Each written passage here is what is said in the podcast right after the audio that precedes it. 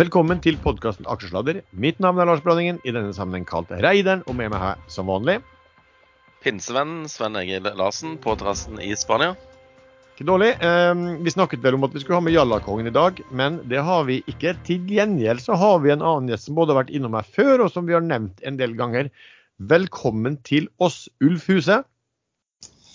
Tusen takk. Det var hyggelig å bli invitert, eh, selv om alt som ikke ble trukket fram sist gang, eh, gikk bra. Som til stadighet eh, trekkes frem. så nå er det tre år siden sist, så vi får håpe jeg har lært noe. Jeg, jeg, jeg hadde glemt ut alt det der frem til du nevnte det nå. Ja, men Ulf, det, det det, det er jo litt-. Ja, for å, men for å oppsummere akkurat det, så var det jo sånn at vi sa for noen år siden, tre år siden at eh, dem, dem som ville kunne få komme hit og fortelle litt om eh, aksjer de eide, og hadde analysert. Og det var egentlig bare én som meldte seg, så det var én som hadde store nok baller til å gjøre det. Det var du. Eh, og så var det på et selskap som da rett, Covid kom vel da og egentlig ødela det caset, eh, akkurat det caset. Men så vet jeg da at under covid og i ettertid så har du gjort det fenomenalt bra. Eh, og så har vi også ønsket å få med deg både pga. det, og så er det viktig å få med ja, unge coming men i, eh, Investor-Norge også. Så vi syns det er veldig hyggelig at du, eh, at du kommer til oss. Eh, kan ikke du fortelle bare sånn litt om din bakgrunn, og så kan du si litt om ja, hvilken strategi du har når du eh, investerer? Ja. Eh, nei, altså jeg har hatt aksjer uh, tilnærma fulltid i sju år. Uh, og da en periode sammen med jobb og eh, skolegang eh, på NHH. Og så siste to år nå så har jeg handla egentlig jobba med aksjer fulltid. Eh, og nå eh, har jeg, ja, som man sikkert hører, så er jeg fra Ålesund og er utnevnt klimaflyktning og har flytta til Oslo. Eh, Og trives veldig, veldig bra her nå. Eh, For å komme tettere på, på miljøet her, da, som har stor verdi eh, for meg. Så jeg er jo fundamental, veldig fundamental i, i alt jeg gjør. Og så har jo på en måte strategi og sånn endra seg litt over tid, men jeg har alltid vært forholdsvis konservativ i, i tilnærminga mi til, eh, til, til aksjer. Uh, I form av at jeg både går long og short for å dra ned en type nettoeksponering. Eh, så i perioder så kan jeg være mer long enn jeg short, og mer short enn jeg long. Uh, uten at jeg har noe spesiell makroview, men der kanskje porteføljen min reflekterer litt hvordan eh, jeg ser på, på, på verdsettelse totalt sett. da. Og, og ja, nå har det jo vært ganske spesielt, eh, spesielt med covid og, og, og gratis penger i forbindelse med det. Så det ga jo en del muligheter på, på short-sida som gjorde at jeg en periode var netto short ganske lenge. Eh, også nå er jeg vel rundt det nøytrale.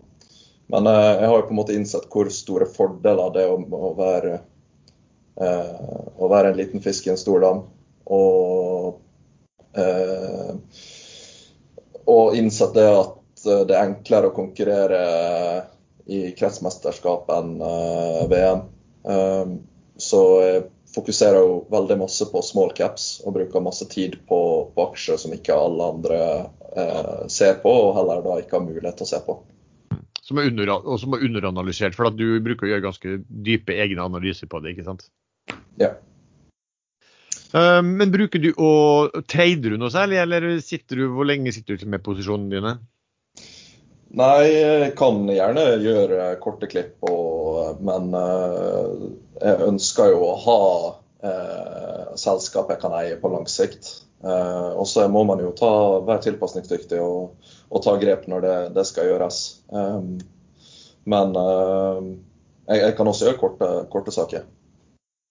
Du, vi bruker jo starte episoden Vet det, må, det var faktisk bra at vi kom på nå, fordi at eh, før vi sier altfor mye, så er det jo viktig å ha vår eh, disclaimer. Eh, og den skal, skal jeg ta den denne gangen? Du kan veldig gjerne ta den denne gangen, syns jeg. Nei, det kan du bare drite i. Det tror jeg du Det sa du sist også. Jeg- Um, I motsetning til visse andre, så står jeg inne for det jeg sier. Ja, det gjør du. Uh, men vi, i hvert fall, vi ringer råd. Dersom du hører på hva vi sier her om markedet, aksjer, enkeltaksjer og livet for øvrig, er ansvaret helt og holdent ditt eget. Det kan forekomme feil i det vi sier i programmet, og panel og panelets gjester kan være langt, kort, direkte eller indirekte eksponert i aksjer, selskaper og produkter som omtales. Og vi gir altså ingen anbefalinger.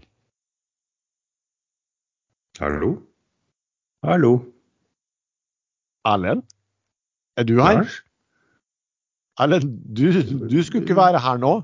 Nei, det har jeg kanskje skjønt. Jeg, hvorfor har det ikke vært noen innspillinger de siste ukene? Uh, uh, uh, hvorfor, hvorfor, er ikke jeg Hva, hva skjer, Lars? Har du jo, vi, vi, pensjonert meg?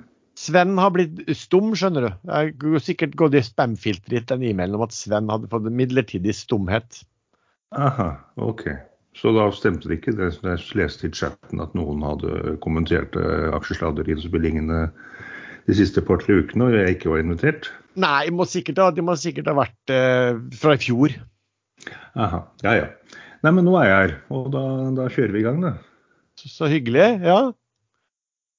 Men eh, jeg har ikke så god tid i dag, men jeg kan eh, jeg, jeg, Både du og jeg har vel fått en forespørsel fra en som heter Iver om vi kan ønske en ivrig lytter som heter Morten Olsen, som skal gifte seg nå i morgen på lørdag, eh, ønske han lykke til. Eh, for han er som sagt en veldig ivrig aksjesladderlytter, og det vil han sette veldig pris på å høre i sitt eget bryllup. Men eh, vi får vel kanskje si lykke til så lenge det varer, da. For Iver han har pushet veldig hardt på, på, oss for å få oss til å kjøre en livesending eh, i Farsund, på Farsund Resort. Og det er jo kanskje ikke verdens navle sånn eh, der hvor det er flest eh, lyttere, men, men etter at han dro den helt ut, så har vi faktisk takket ja til Han dro den helt ut? Ja, han, han For, for, å tigge til seg at vi skulle komme dit, så lovte han at alle hans venninner eh, skulle stille på første rad i miniskjørt. Um, og det er jo interessant, men det var kanskje ikke interessant nok, så vi sa at han må legge på litt. Og da lovte han at alle skulle kjøre sånn Sharon Stone crossing leg scene. Uh, basic, fra Basic Instinct-filmen. Så de som ikke vet hva det er, de får google 'Crossing Legs' og 'Basic Instinct', så, så lærer de det. Og det er da selvfølgelig også Morten uh, Olsens kone uh, med på. Det er ikke sikkert hun heller vet det ennå, men uh, da vet hun det nå. Og alle venninnene til alle vennene til Iver. Så dette blir kjempehyggelig. Vi gleder oss. Ja, vi gjør jo det. Og det betyr jo Det er jo ikke bare Morten sin kone som skal være, men da med sannsynligvis en god del av de eh, venninnene som er i, eh, i, selskapet også. Ikke sant. Så det blir halve Farsunds eh, kvinner, eh, muligens etter hvert single kvinner, som da stiller opp på første benk. Så vi, da skal vi kjøre show.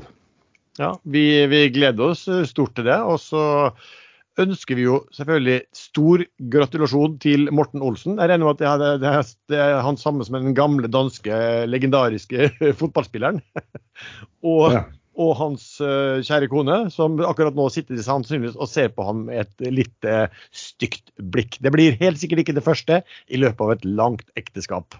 Ja, Hvis ikke det da hun og jeg har vært informert lenge og glemt å informere han, dette vet vi ikke ennå. Men det, det kommer vi til å finne ut av, tenker jeg. Ja, vi, vi, vi, får sikkert en rapport. Eh, vi får følge med på i VG om det står noen ting om eh, tumulter knyttet til et bryllup i helgen. Ja, men da må jeg løpe. Så sier jeg takk for meg. Skal vi starte med det vi bruker å gjøre, da? Vi bruker jo å starte med å fortelle litt hva vi har gjort i den uken som har gått. Men uh, for meg og Sven, vi, vi, er jo her hver uke. Men Ulf, du kan ta siste uke, eller du kan ta den siste tiden hvis du heller vil det. Start med deg, Ulf. Ja. eh, jeg har jo av korte altså Jeg gikk gjennom sluttsedlene mine, og det, av, det, jeg har ikke gjort så veldig masse. Jeg har økt litt i eh, tre selskap som jeg har eid fra før. Eh, også hadde en liten trade på, på nok en gavepakke fra eh, dagens sittende regjering på lakseskatten. Uh, men utover det så har jeg økt litt i eh, veteranpoolen, eh, som er et eh, bemanningsbyrå for pensjonister. Eh, både til bedrifter og privatpersoner. Så man har jo Ja, det er sånn svensk eh, small cap-quiz. hva, heter det, sa du? Veteranpoolen. Det er det løgneste jeg har hørt. Ja, det er ganske bra. Bemann, altså Rekrutteringsbyrå for pensjonister. Det, Ja. ja. Johnny come late. eh, Ja, det er jo eh, kanskje en av de største utfordringene systemet står overfor i dag. Så det Alt det, du, eh, alt det du finner fram til. Så det, det er ikke kjempebillig, men eh, det tror jeg ikke det skal være heller. Eh, Det Selv under covid, når topplinja var, var ned 10% så, så beholdt de magien sin, for det har en franchisemodell. Så det, det, står, det bør stå seg godt. Og så økte det litt i NRC, som har vært et uh, case uh, på at de har blitt dratt ned sammen med en sektor uh, der NRC bør være forholdsvis beskytta, siden de kun driver med jernbane. Og der har du mindre konkurranse, og du får ikke den smitteeffekten over fra anleggsaktører. Så det var i hvert fall rasjonale, og så har den jo bare blitt billigere. Eh, og så er det jo klart grunner til det, men uh, jeg syns den er ganske interessant. I hvert fall på, på nivå nå. Og så kom det jo nyheter i et, eh, et annet svensk smallcap som jeg eier, som dro ned aksjen 50 kom med melding i Birthday klokka fem, da jeg ikke var foran skjerm, og får en telefon om at uh, hva, hva skjer her? og ehm, ja, første gang jeg leste meldinga, så så det ganske bad ut. og jeg får anerkjente reaksjonen i markedet. Men uh, etter å ha brukt litt tid på se, med CEO og uh, helheten her nå, så, så syns jeg det virka, virka eh, overdrevet. Er det det der uh, iTech, eller? Ja. Så det er et veldig kult Jeg kan jo bare forklare kjapt, siden vi først er inne på det. Um, de har et eh, De har funnet opp eh, et, eh, et molekyl som eh, blandes inn i bunnsmøring på, eh, på skip. Som da eh, skal vare i fem år og eh, forhindre rur, altså groe på skip. Eh, og så har det vært eh, godkjent i alle viktige marked, inkludert EU. Og de, EU er veldig treige på å godkjenne produkt, så de siste 10-15 åra så er det to produkter som har blitt godkjent, og Select Hope, som er da produktet til iTech, eh, er ett av dem.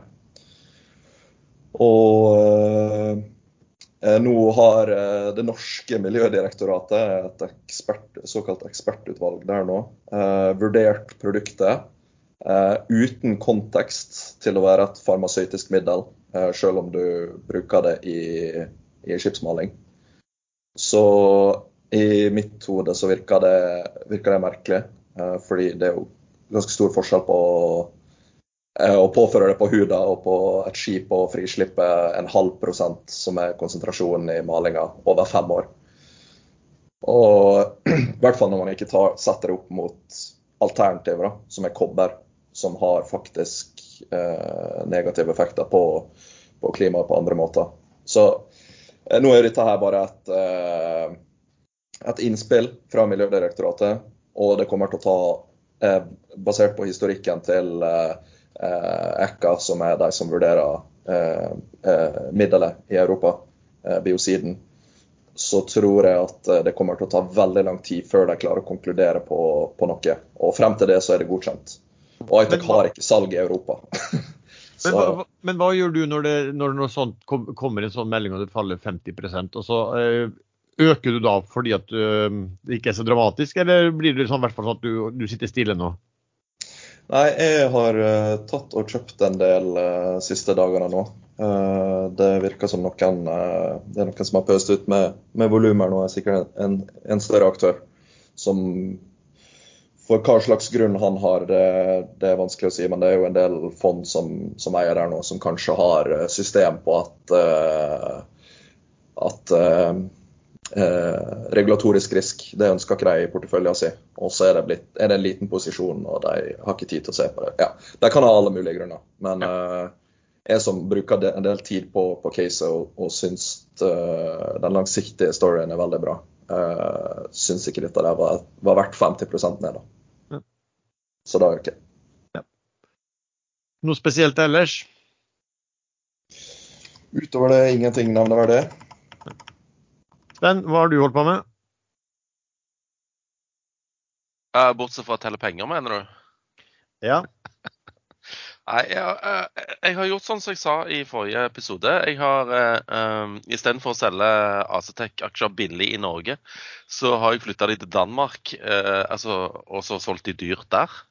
Det er vel liksom det jeg har bedrevet dagene med uh, denne uken. Uh, I tillegg har jeg gjort en trade i denne gode gamle Horisont Energi, som jeg elsker av overalt på jord. Kun en liten trade der på 20 øre. Og så har jeg tatt en uh, posisjon i Morrow Bank på 4,80. Der er det en uh, skjult selger. Vet ikke hvor stor han er. Men uh, den, den, aksjen er billig. Så jeg pleier som regel å, å, å få solgt den et godt stykke opp på femtallet. Så får vi se om, om historien gjentar seg. ellers så har jeg Hva annet har jeg gjort, da? Jeg har, nei, det har handla veldig mye om Acetec. For min del. Og den skal vi dessverre snakke om litt, litt, senere i sendingen. For jeg vet at du, dette har du lyst til å gni litt inn, vet jeg. Nei, men det er jo bare flaks. fordi hadde, hadde, hadde jeg sett den 360-kjøperen, så hadde jo han fått aksjene mine. Men uh, jeg var jeg var like, like vekke som uh, denne laksenyheten. Når den kom i går, så satt jeg og leste på noe helt annet. Og så ser jeg bort på grafen på OCBX, og så bare den er What the fuck? Uh, klokka var 13.15, jeg skjønte ingenting. Skal ikke komme noen makronyheter nå. Så, så den, den, kom som julekvelden på skjæringa. Ok, um, For min del så um, har jeg jo ikke gjort uh, et også tenk og satt og følte med hva faen som skjedde, og satt og var litt irritert, men samtidig litt glad for å i hvert fall ha tjent penger på det. Um, jeg har kjøpt uh, Hafnia, jeg snakket om jeg har vært i, i Sotte tilbake og har jo vært ekstremt vellykka og sittet og venta på nå, nå, falt den jo helt ned på, på 51-tallet. Um, jeg plukka den jo ikke opp der, den gikk opp igjen på ja, 55, vel. Men så, så, jeg kjøpte den rett før den eh, skulle gå x 3 kroner og 30 øre. Um, så den har jo steget pent uh, hvis du, hvis du, hvis du ja, har med regnestykket at du har fått de, um, de, pengene. Så den er jo sterkt anbefalt. Jeg får se nå I utgangspunktet var det bare et trade på at uh, jeg trodde at den kom til å ja, falle mindre enn utbytte. Uh, og så får vi se hvor lenge jeg sitter på den. jeg har kjøpt en som jeg kan nevne litt senere selskapet litt av, har økt litt i to som er upopulære, altså Saga Pure og SD Standard ETC, som heter. Og så har jeg kjøpt en god del i dag, faktisk i Frontline i dag. De skal vel komme med tall eh, i neste uke. Ehm, så det, ja, det lille jeg egentlig har gjort den, den uken her. Ehm, det har jo skjedd litt da på ja, emisjoner slash nedsalg. Sven, hva, hva, har du fått med deg, og hva har du vært med på? Jeg, jeg, var ikke med på noen, faktisk. Jeg vurderte å være med på denne her uh, det nedsalget. Nei, emisjonen i, i uh, Klavenes Combination Carriers, uh, KCC. Men jeg, jeg gadd ikke likevel. Så, det var den dagen jeg kjente så graps med penger på AC-Tech. Så tenkte jeg nei, jeg gidder ikke styre med sånne småbeløp. ja, den var litt frekk. Nei da. Eh, og så var jeg ikke med på denne her eh, høg auto, heller, fordi at når største eier da selger, selger seg ned, så vet jo han bedre enn enn oss andre hva som skjer i, i den businessen. Hun gadd heller ikke den. Eh, og Idex, der Nei, det, det, er ikke noe for meg. Venter på emisjonen i en Surge istedenfor. Er det noen andre? Nei, det har vel vært altså Det, det kom vel uh, betingelsene for Jeg vet ikke om den var kommet i forrige episode. Den, den, betingelsene i, på det fortrinnsretten i Bergen Bio. Når kom den, sa du? Ja. Betingelsene kom på lørdagen. Å oh, ja. På lørdag. Ja, på, på lørdag. Ja. Den ble jo den ble jo ti altså, Lørdags ettermiddag. Hvem er, det som, Ja, Hvem er det som sjekker børsmeldinger på lørdags ettermiddag, bortsett fra meg? Ja. Ikke mange, tror jeg. Nei, så det, Men den ble satt på ti øre, og så gikk den da x de Altså for hver aksje du hadde, jeg husker ikke hvilken dag i uken det var, men for hver aksje du hadde, så fikk du rett til å tegne 20, 28 nye aksjer til ti øre, og så fikk du litt warrants også. Så jeg tror at hvis, hvis jeg regna på det den, den, den dagen den gikk x de rettene, så skulle den prises til rundt 14 øre. Underkant av 14 øre. Og den prises jo nå på ja, 44 øre, da. Så har, har, har du vel litt sånn teorien til, til den vakuum mellom øra-teorien, da, som gjør at en del kommer til å få en ubehagelig overraskelse om noen uker. På den kursen, i hvert fall. Uh, vet ikke hva annet Men var ikke, var ikke du med i uh, emisjonen? Jo, eh, hvilken emisjon? Nei, jeg var med i nedsalget i Høg eh, Auto. Liners. Ja, Fikk du noe tildeling? Eh, ja, jeg fikk ca. 30% tildeling på det. Og så skvatt den fort under. da. Hva ligger den nå? Rundt 62? ikke den ligger? Det var, det var på 62,5, så det var ikke noe sånn For å si det, den ligger langt ute på kanten på bordet mitt, da, så som kan bare vippes ut. Men Ulf, da. Var du, med, du er jo med på emisjoner og sånn? Ja, nei, jeg var ikke med på noen uh, av jeg nevnte her nå. Uh, jeg syns markedet har tørka litt oppe. Uh, og nå var det på en måte første vindu, og da ser du det, det, det, det peises ut. Så det er jo for så vidt fornuftig, det. Det er jo ganske mange som har et fundingbehov i nær fremtid. Ja, men du hadde vel snakka litt om Idex før med, med hensyn til fundingbehov, hvis jeg ikke husker helt feil, Ulf? Ja, eh, der har jo, eh, har jo, historikk for å være flink å hente penger. Eh, med jevne mellomrom. Ja. Så eh, det er jo en, eh, en, en kandidat som, eh, som, er høyt oppe på lista ganske ofte. Ja, for de henter ofte ikke så mye at det blir ikke så lang tid til å hente neste gang heller. Nei, og så er de flinke på, på newsflow, da. Og, og klarer å holde liv i i caset. Ja, jeg trodde du skulle si drømmen. Ja, det er dine ord. Men jeg, men jeg ser, for jeg så på Idex, altså, da var det vel på den på var, De gjorde den vel på onsdag, gjorde de ikke det? Jo. Og da var det sånn at på, på, tirsdag så kom de med en melding om noen avtaler som skulle gjøre noe. Og på eh, onsdag kom de med en melding med en partner der de skulle gjøre noe. Og senere samme dag da etter børs så henta de penger. Så det er vel kanskje også litt sånn at det ofte kommer en del eh, ja, nyheter eh, rett i forkant. Det er vel ikke så uvanlig. Verken hos stemmer det hos andre. Ja, og så var det jo eh, et spørsmål om tid når, når man så at de var tom for penger eh, innen utgangen av juni. Mm. Og litt senere i, faktisk, i sendingen så skal vi snakke litt om man kan, hva, hva man skal se etter hvis man skal se på en aksje og vurdere om det er en fare for hvert fall eh, emisjon eh, i løpet av, eh, løpet av eh, kort tid. Eh, Sven, skal vi, skal vi, kaste oss inn og ta litt om gærne danske røde pølser og, og Asetec? da? Bare for å dra det for de som ikke har hørt de siste episodene, så var det sånn at vi tegna jo oss begge i emisjon på tre kroner. Den ble ikke helt fulltegna, men nesten 99% tegna.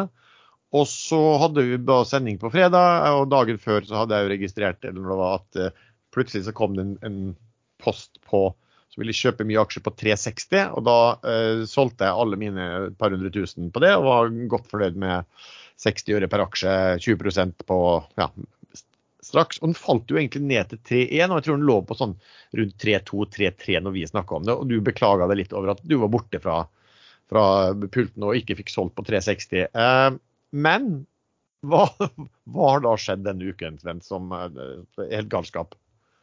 Nei, på, på, 17. mai så ble aksjen notert i København. Ingen, eh, eller ble omsatt 1000 aksjer, fordi at ingen hadde jo danske Acetec-aksjer eh, å, selge, fordi at eh, det ble ikke utstedt noen aksjer i, i, forbindelse med noteringen i København. Så du måtte egentlig eh, veksle om dine norske til danske Acetec-aksjer, som egentlig har samme ISIN og sånn. da. Eh, og I dagene som fulgte, så var det fortsatt veldig lite til salg, så aksjen bare steg og steg. fordi at eh, Eh, tydeligvis eh, må disse danskene ha trodd at dette var verdens beste selskap eller et eller annet. Men de, de sendte han jo opp eh, til 11 kroner. 11 danske kroner. Én dansk krone er jo 1,58 norske. Det pleide å være Jeg husker i gamle dager da jeg var yngre, da var den ca. 10 over den norske. Nå er det jo nesten 60 over den norske kronen. Så det i seg selv er jo en sørgelig historie for oss nordmenn. Du, går du med han, kan du be han spanjolen som sveiser i bakgrunnen, eh, kan du gi han en kakk i hodet, eller? I wish. Nei, jeg beklager det, men eh, de, eh, de, holder på med noe sånn avløp fra terrassene i nabobygget her, så ja. Så, så, sånn er det. Sist, sist, gang hadde vi jo fuglekvitter, så det går bra, ja, det også. Det, det, er faktisk bedre med fuglekvitter, da, syns jeg. Ja. Nei, men uansett, De sendte den opp i equivalent, nok equivalent 16 kroner. Jeg fikk ikke solgt der oppe fordi at aksjene var ikke konvertert ennå. Men jeg fikk solgt veldig mye, rundt 10 norske kroner. Så som jeg skrev liksom på, på chatten, der, så var Altså, etter hvert så steg jo den norske kursen òg, men aldri i nærheten av den danske. Men akkurat nå så er de i vater. Altså, spredden er lukket, arbitrasjen er, er ferdig. Ja, for det, for det, der måtte jo nesten skje. Altså, Galskapen er jo da en aksje som nylig har henta inn Jeg husker ikke hvor mye de henta inn, Jeg henta inn et par hundre mil.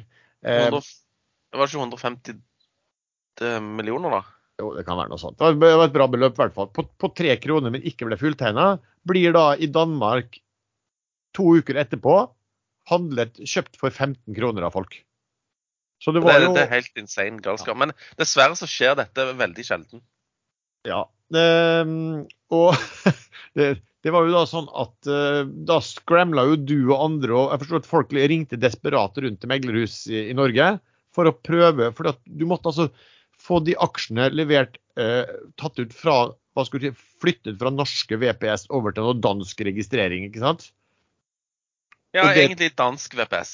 Ja, og det tok da Eh, det tar litt tid hos Nei, det, mange av dem. Da sitter ei dame i kjelleren hos DNB som faktisk gjennomfører den faktiske jobben med å trykke på noen knapper og gjøre de om eller flytte aksjene. Ja. Så, så, det gjorde egentlig at når disse danskene var, var, helt gale og ikke skjønte egentlig altså om de, vet ikke om de skjønte at de, de ikke hadde fulgt med at dette var et selskap som allerede var notert med høyere volum i Norge. Men det gikk jo litt volum der. sånn at Du fikk jo solgt, og jeg vet flere på ekstrainvestor også fikk jo solgt på kjempehøye nivåer. Ikke sant? Stemmer det. Også, men så måtte det jo komme en sånn eh, investeringsgnom fra Nordnett og si at du kan kjøpe aksjen billigere i Norge. Og det var vel starten på nedturen.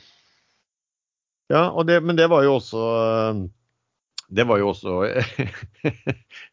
helt riktig. Da. Det er jo noen i Danmark som har fått, fått smell. Men samtidig har du liksom, den danske interessen har jo også dratt opp selve aksjekursen da, på Acetec, som da før dette her skjedde, lå på rundt 330, 340, 350 i, i, Norge, og som nå ligger på hva ligger på nå? 550 eller noe sånt? Rundt 550, ja. ja. Så Men du Nå har Acetec blitt en kommersiell boligutbygger, er det det som er caset her nå, eller? Du mener hovedkontoret deres er blitt så dyrt? ja, er det, er det bygginga som går så bra at, at han skal bli helt ville? Ja, jeg, jeg, jeg, vet ikke. Nei, men ja.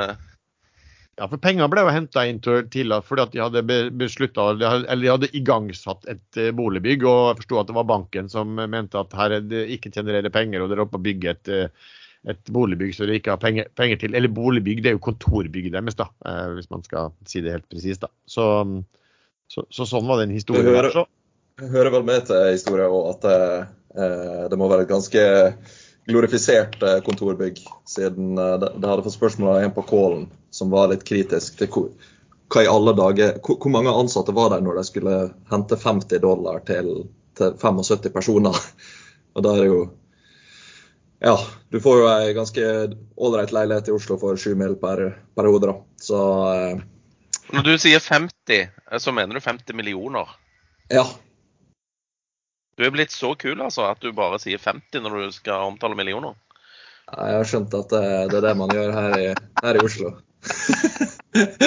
men, men, i alle fall, da, for å si det sånn eh, Sven, du, du kunne plutselig selge denne aksjen der med 200 gevinst, eh, mens jeg satt der og koste meg og gloata for deg med mine 20% noen dager før. Det er vel en riktig framstilling av saken? Jeg sier bare 'lykken står den kjekke bi'. Ja, det er vel det. er sånn. Så jeg må innrømme at, jeg, at jeg, var, jeg var jævla sur når det skjedde, selvfølgelig. Eh, fordi at det var bedre sammen søren, hadde jeg ikke sittet foran skjermen da, eller eller, eh, og også når den falt ned på 3-1, da kom det jo ganske mye volum. Eh, da var jeg også inne i Oslo og satt på trikken, dessverre. Så det er litt sånn ah, så irriterende, da. Men samtidig så, så skal man jo tenke på én, man har tjent penger. og Årsaken til at jeg tjente på penger i hele tatt, det var jo fordi du fortalte at du hadde kjøpt tegningsretter i den. og som fikk meg til å begynne å se på den. Så for sånn, Hadde ikke du skrevet det, så hadde jeg jo ikke tjent penger som var gode uansett. da, så man skal jo være, Selv om man da tenkte at faen, man kunne jo tjent mye mye mer her, så skal man jo være glad for at man eh, har tjent. Og så syns jeg det var artig på dine vegne, Sven. Du tipsa meg, så det var veldig bra. Nå er du i overkant hyggelig her, syns jeg. du ville helst at jeg skulle være liksom litt irresur for at du har tjent penger? ja. Det må gå begge veier, dette, føler jeg. Dette, forhold, dette forholdet. Ja, men jeg sliter litt dessverre med det der, så den, akkurat den der blir litt ensidig. Uff. Ja, ja. Men sånn er det. Men uh, ja, da er det i hvert fall noen dansker, dansker, som har spist noen røde pølser, og som kanskje ble litt dårlige av de røde pølsene da, i, i, ettertid, når kursen falt fra, fra 11 til Hva, hva ligger den på i Danmark nå? Tre kroner og noen ting? 3,50. Ja. Men uh, tips til andre børsnoterte selskap. Gjør en sidenotering i, i Danmark. Uh, danskene virker å like nye selskap på børs. Ja. Men sørg for at det er veldig få aksjer tilgjengelig i Danmark. Ja, ja, Du må ikke utstede noen aksjer i Danmark. De må jo kun utstedes i Norge. Det er fantastisk. Men eh, noe som jeg har bedt meg merke i, som er litt eh, faktisk og verdt å ta opp, det er at disse her børspausene på Nasdaq er jo en drøm i forhold til det der bagettulleriet vi holder på med her i, i, i Oslo. Der er det unnagjort på et par minutter. Altså, De stopper aksjen automatisk. Åpnes gjennom eh, jeg lurer på om det er fem minutter. Innen fem minutter, i hvert fall. Eh, det er mye mer smooth enn å sitte og vente en halv dag og ikke ha forutsigbarhet på når de åpner aksjen. Det er helt forferdelig, dette Euronext-systemet. Ja, det er jo bare. Vi har jo hatt, eh, vi har jo hatt eh, ting, ganger hvor den har gått i holdt i, i tidtida, og den ble aldri åpna igjen før børsen var ferdig samme dag. Nei, helt, eh, altså Du sitter og stirrer liksom hele dagen og venter. Skjer ingenting. Ja. Kunne spilt to runder med golf. Ikke sant. Um, skal vi se, et nytt tema. Ulf, uh, mange har fått med seg at du har gjort det veldig bra i investering i varmepumpeselskap. Og det har vi fått en del spørsmål om fra folk som har hørt at du skulle være. Kan ikke du si hvordan, hvordan gikk du fram? Hvordan, hvordan, så du dette området her, og, og hva er det du liksom har, har, investert i av selskaper innenfor området? Ja, uh, det starta vel egentlig med, med, EU sin tipunktsplan for russisk uavhengighet. Der det var ni punkt med, med fluff og ett tangible eh, punkt, som var eh, investere i varmepumper. Eh, så det var det som på en måte trigga eh, ønsket om den type eksponering eh, i fjor. Eh, i sommer, på sommeren. Og så brukte jeg jo en del tid på, på å lete etter investeringer. men fant vel egentlig ut at ja, man har jo Nibe og BRF og Systemair osv. Men alle var veldig dyre, da. Uh, Nibe er P50-60 og tilsvarende uh, for, de, for de andre Pearsa. Så uh, man måtte jo Så jeg brukte en del tid på å screene, da. Um, og så vel gjennom ja, hundrevis av selskap. Og så var det vel egentlig bare to som matcha mine kriterier. da.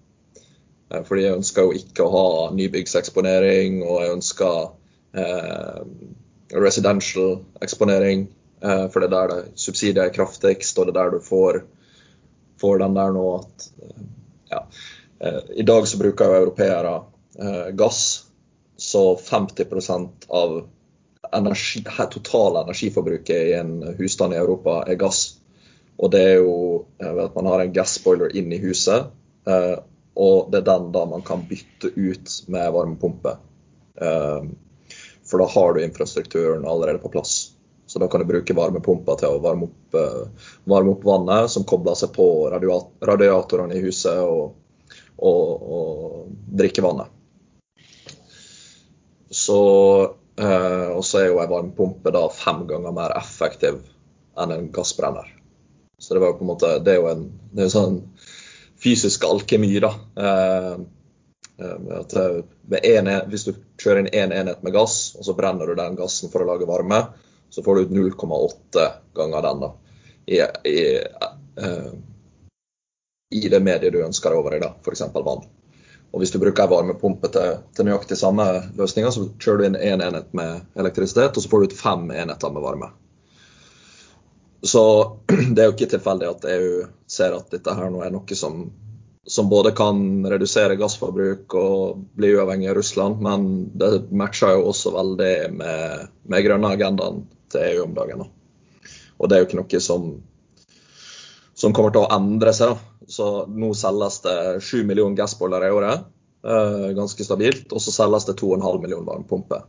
Og nå når subsidiene begynner å i enkelte land til og med gå over kostnaden ved å investere i varmepumpe, i tillegg til at eh, gassboilere blir banna eh, i enkelte land. Men nå har også EU drafta en total band av uh, gassboilerinstallasjoner fra 2029. Da. Men nå er jo Frankrike banna i fjor, og Tyskland banner det neste år, og Nederland gjør det i år. Og, ja. Så det, det, kommer, da. Og da vet man jo at markedet skal antageligvis vokse firegangeren på veldig kort tid. da. Kanskje frem mot 2030 er det European Heat Pump Association mener. Ja, så, så, så du, da, ut ifra det at du, du så at her, her, kommer det reguleringer og her er det påtrykk fra politikerne, så må det installeres massivt med varmepumper ja, fra da og framover. Og, og, så fant du det jeg mener du, du starta, du fant du en sånn svensk eh, svensknotert selskap, gjorde du ikke det? Jo, da fant jeg et uh, selskap som heter Energy Save. Som på det tidspunktet var cappa til 150 mill. svenske. Og brukte en del tid på det. Da, på det tidspunktet så hadde de jo levert negative marginer. Men da var det fra en veldig liten skala. Og så kjøpte litt aksjer og brukte en del tid på selskapet og besøkte dem i Sverige. og i løpet av det første halvåret der så gikk jo aksjen sjugangeren eller noe i den duren. Eh, og marginen gikk fra negativ til pluss 20% fordi det er jo en, det er jo en forholdsvis skalerbar modell eh, med at eh, du, du, har de samme kontaktpunktene i forhold til kunder, bare at du klarer å selge flere pumper til de samme kontaktpunktene med, med, like mange ansatte. Og da gikk jo, gikk jo marginen. og det så begynte da markedet å, å, å prise den. Og så ble den jo for dyr for meg til å forsvare og eie den på et tidspunkt. Eh, og så var det samtidig som jeg hadde brukt, brukt en del tid på et fransk selskap. eh, og fikk mulighet til å, til å investere i det uh, gjennom en emisjon. Så, uh, så da, da, gjorde jeg rett og slett den switchen. Men så har du Så gikk du ut av den, og så var du på jakt og fant fram et nytt selskap. Som vi har snakket om her faktisk også. Ja, og jeg forsto at dere hadde solgt allerede òg. Allerede? Det er jo faen lenge siden vi solgte. Jeg solgte rundt 5,1 tror jeg, og nå ligger den 7,5 eller noe sånt. Sykt. Så ja, det er mulig. Men eh, du sa ikke at vi ikke måtte selge den, tror jeg. Nei, så vi, vi, vet jo ikke hva vi kjøper. Når du kjøper fransk OTC, liksom, eh, og, og kursen går som en rakett, nei, da Men, men nei, det, man, det er jo litt sånn eh, det, det er helt feil. Folk, eh, folk, gjør akkurat eh, som man vil. Og det, man må bruke nok tid på caser til å vite hva du eier. Og hvis man ikke gjør det, så er det nok rett å selge. Ja, Men jeg, jeg, jeg så at Clarkson inviterte til en gjennomgang av selskapet på tirsdag førstkommende. Og det Ja. jo eh, så det virker jo som ting er, at det skjer et eller annet der.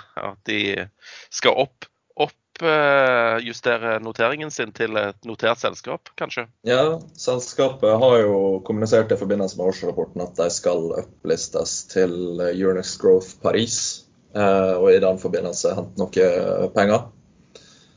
Um, Men, det, håper- men det er vel ikke noen fare for at de gjør den emisjonen under 5,1?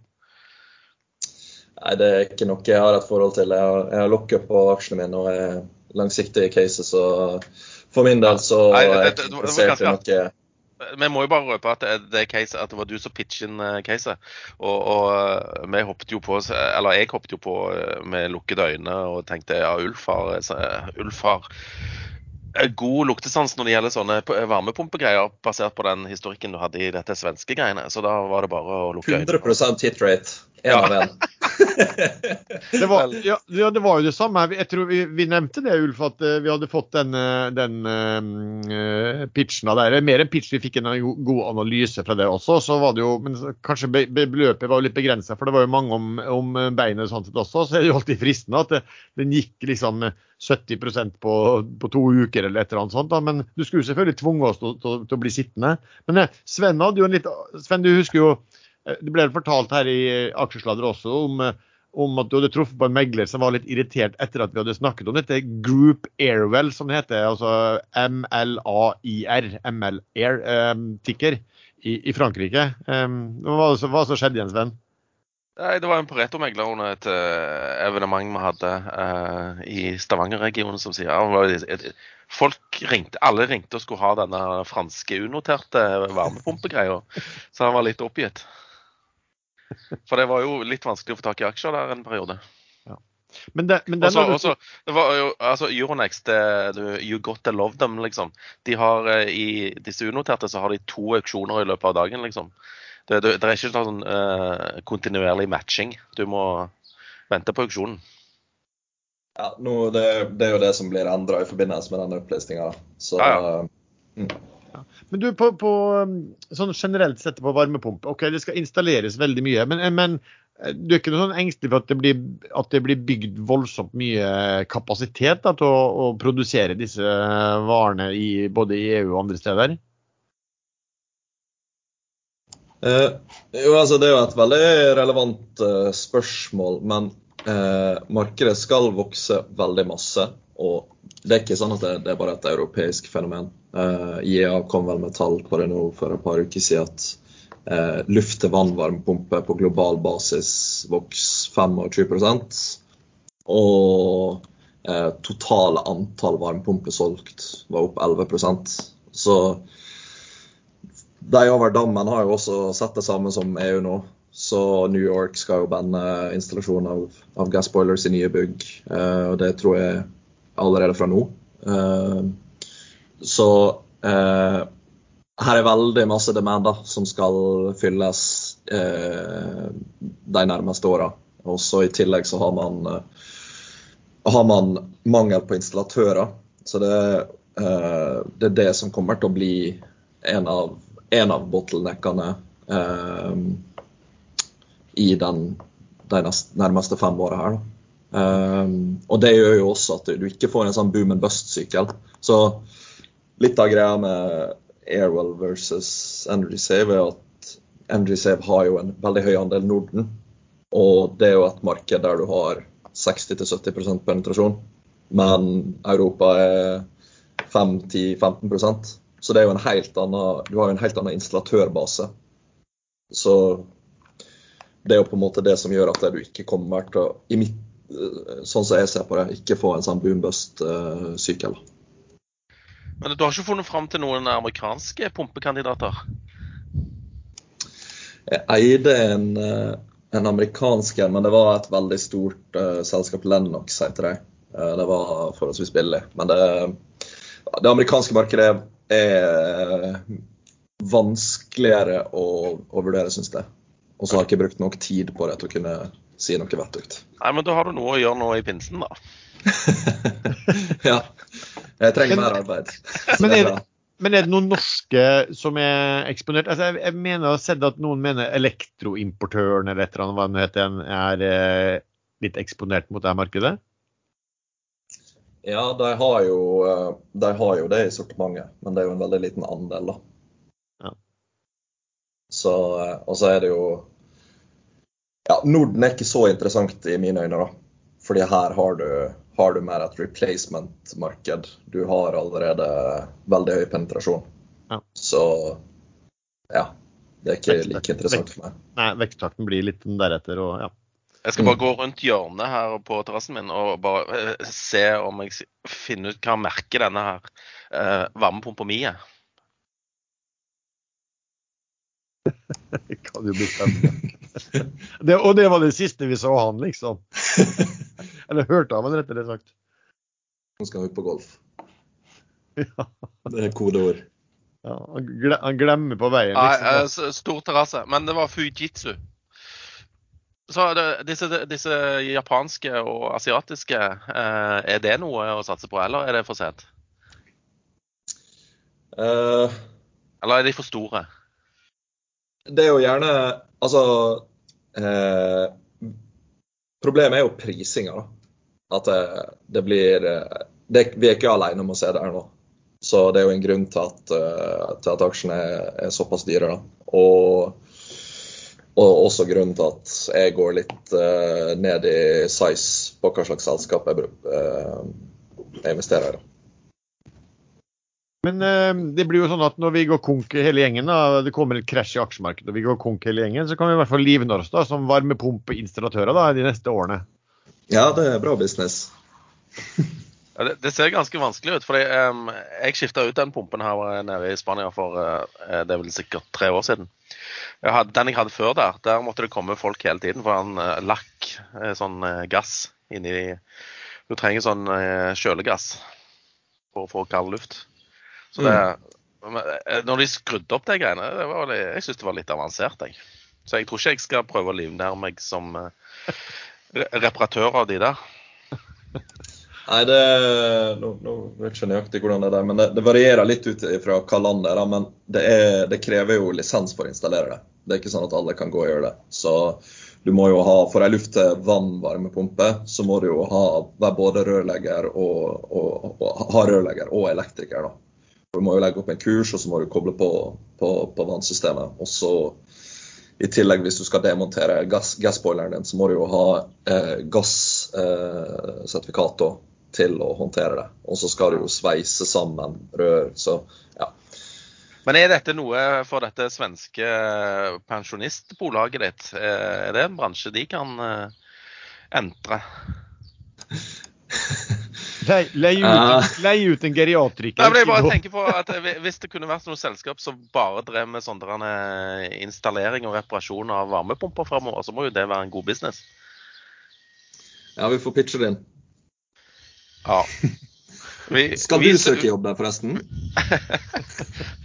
Nei, vi, Nei, vi, eh, men eh, Erlend eh, hinta, altså Jallakongen hinta frampå at han kunne tenkt seg Han hadde fått jobbtilbud fra de. jeg tror faktisk det er kanskje derfor han ikke, ikke er her i dag også. Han er i, i svenske skogene og, og, og hogger trær, er det det du prøver å si? Ja, han er der og skrur på en varmepumpe, tror jeg. Sånn Nei, men, men, men seriøst uh, Ja. Uh, nå glemte jeg ut hva jeg skulle si. Ja, da var det sikkert noe fornuftig, sa han ironisk. Uh, nytt tema. Vi bruker jo å snakke om uh, emisjoner og nedsalg hele tiden uh, i hver episode. Og så tenkte jeg vi kunne ta en liten bit nå om eh, Altså, folk er jo ekstremt opptatt, i hvert fall tradere, og, og andre bør jo også være når man skal investere, er jo om vil dette selskapet ha kapitalbehov i, i nærmeste framtid. Fordi ja, det bruker å bety mindre interesse for investorene, og at kanskje kursen synker, og at de ofte må gi en del rabatter da, eh, når de endelig henter de, pengene. Eh, Ulf, jeg vet at du har vært litt opptatt av det. Hva, hva, hvordan går du til veie når du skal identifisere og, og, og, og du mistenker at det kan være noen emisjoner som kan komme i nærtid? Eh, Jeg gjorde en, eh, en liten øvelse tidligere i år der jeg bare lasta ned et datasett eh, på selskapet Oslo Børs og uh, lasta ned eh, kontantbeholdning og EBTA siste tolv måneder. Og så tok jeg rett og slett bare eh, ut de med positiv EBTA, og så delte jeg de da med negativ EBTA på cash-andelen. Og da får du jo en metric som sier hvor, masse, eh, hvor lenge de har igjen med, med kontanter om, om EBTA fortsetter. da. Og det er jo en sånn grov screening eh, som man kan gjøre, da. Eh, og da var det vel på Oslo Børs var det vel 30-40 selskap som ville ville på, på det grunnlaget få, få, få negativ eh, cash da innen tolv måneder. Ja. Og, så, og, så, må man jo gå nærmere eh, i dybda, da. Inn og se på det. Men er det noe, er det noe utenom tallene som, som, man kan se uten å gå inn i regnskapet, som gjør, kan gi noen indikasjoner på at noen ting er på gang, eller hva, hvordan liksom, ja? Jeg tenker historikken er veldig relevant, da. Historikken til, til selskapet. Så, men eh, hvis du skal på en måte agere på det, så må du jo inn og se på hva det er som faktisk foregår her. da. Sven, bruker du å... Ja, Sven, hvordan, eh, hvis du begynner å mistenke noen ting, hva, hva er, det, er, det, spesielle ting som gjør at du begynner å fatte mistanke at nå begynner det å bli noe på gang? Nei, men Ofte så står det jo faktisk i, i selskapets egne, egne kvartalsrapporter. F.eks. Nordic Unmanned. Uh, de har eh, inngått en finansiering med, med Sparebank1 SR-Bank. Eh, jeg tror det er på 200 millioner. Forutsatt at de henter inn 150 millioner kroner i ny egenkapital. Eller selger eiendeler. Så de, de, har jo allerede sagt at de må hente penger.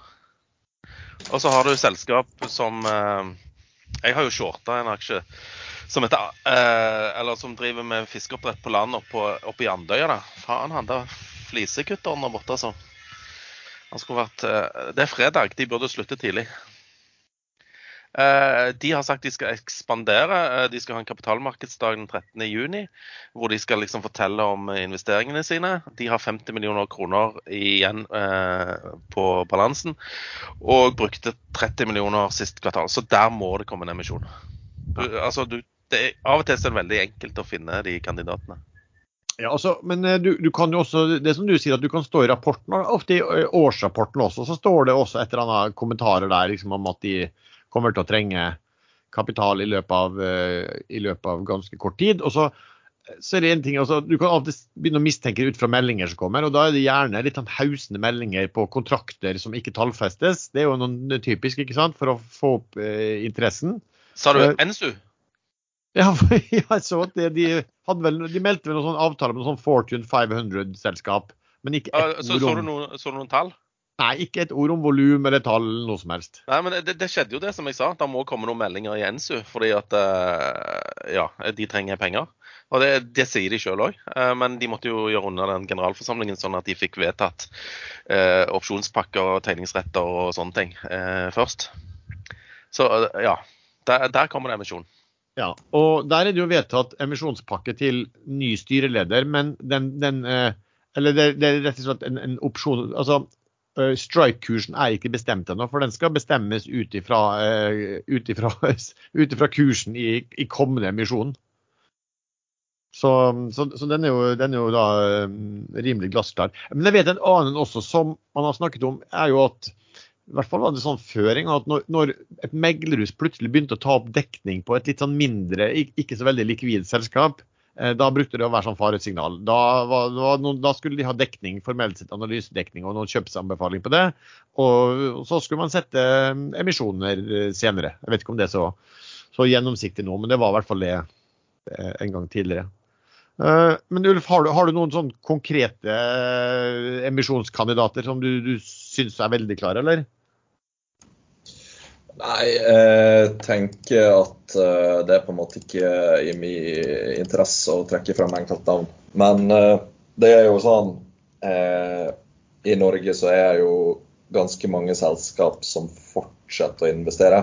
Selv om det rasjonelle kanskje hadde vært å, å legge ned. Og så det, kan det være veldig nyttig å se på Men, men kanskje, kanskje, de, kanskje de har en lang horisont, og ikke en kort horisont? På det de holder på med? Ja. Og hvis du legger til energi og, og teknologi i samme, så Ja. Nei, men her er veldig mange Ja, uten å på en måte nevne navn, da. Så uten å nevne navn, ja. Så er det veldig mange som har eh, mange selskap der management og investorene ikke nødvendigvis har samme insentiv. da. Ja.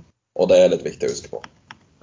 Sven, du, har du noe andre utenom? Du nevnte ja, NSU og oppdrettsselskapet. Har du noen flere som du har i Jeg sa Nordic Unmanned òg, hvis du ikke fikk med deg det. Ja, det gjorde du. Jo, jo, det gjorde du. Ja, det Nei, men det er vel bare å se på Euronex grøt, og så bare ja, kikke litt på cashbeholdning og cashburn de siste 90 dager. Ja, jeg gjorde også det. Altså, jeg bruker å se på, om ikke jeg ser på cash, da, jeg bruker å se på arbeidskapitalen. Bare for å forklare hva det er. Det er også... Ja, Kanskje du tar det en gang, for det, det, jeg finner aldri arbeidskapital på balansen. Nei, altså arbeidskapital det er omløpsmidler, som er altså mesteparten av cash, men også kundefordringer og varelager, minus kortsiktig gjeld. Og For et vanlig selskap så bør du ha en positiv arbeidskapital. Da, fordi at eh, det tar ofte, Du må ofte betale regningene før du får ut ting solgt fra varelageret ditt eller inn fra kundefordringer. Så den bør være positiv. Noen ganger er det, ikke sånn, for at kanskje kundene betaler på forskudd. men det er også, Så den bør være positiv. Så det jeg egentlig bare sett på, er hvordan det står til med arbeidskapitalen deres kontra siste kvartal har jeg bare sett, satt da på, på driftsresultatet. Altså En som er sånn veldig klar for meg, det er jo um, Hofseth Biocare, som har 30 millioner minus i arbeidskapital ved Q1, og som tapte 37 millioner alene i Q1.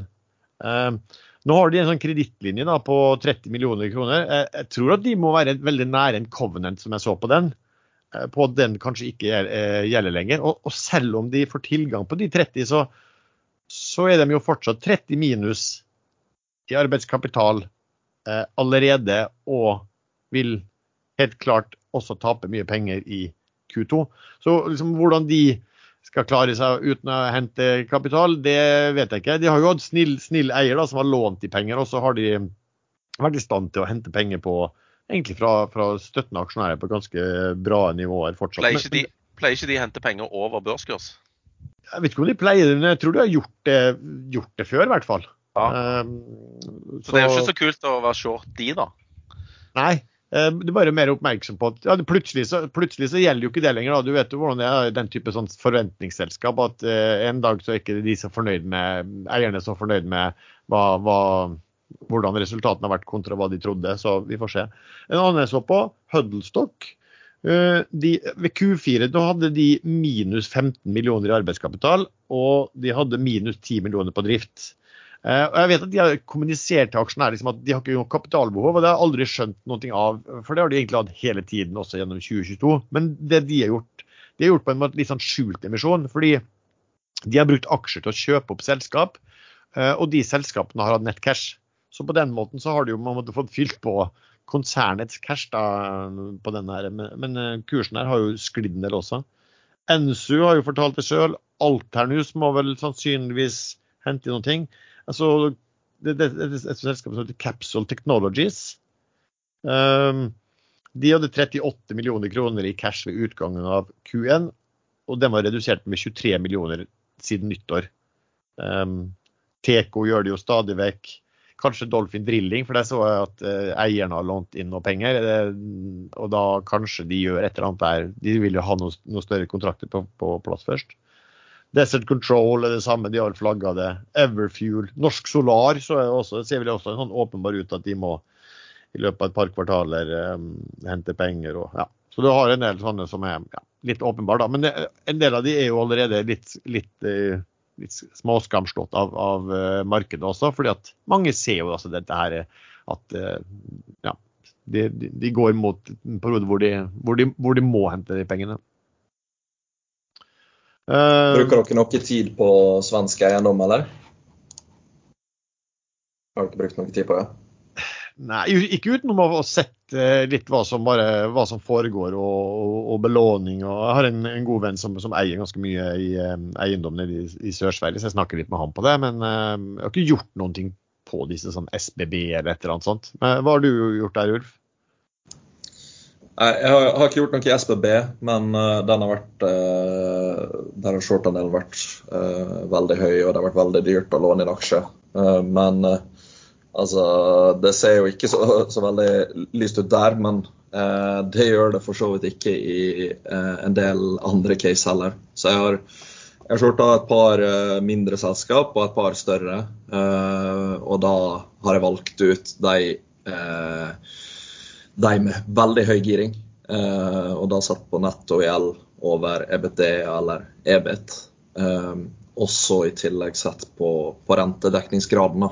Og det sier jo noe om inntekter du, løpende inntektene du har, mot rentekostnaden du får. da. For nå er jo svenske eh, styringsrenta 3,5% og så skal du ha et påslag på det. Så da, hvis du bare har bankgjeld, så, så betaler du kanskje 150 punkt margin over det.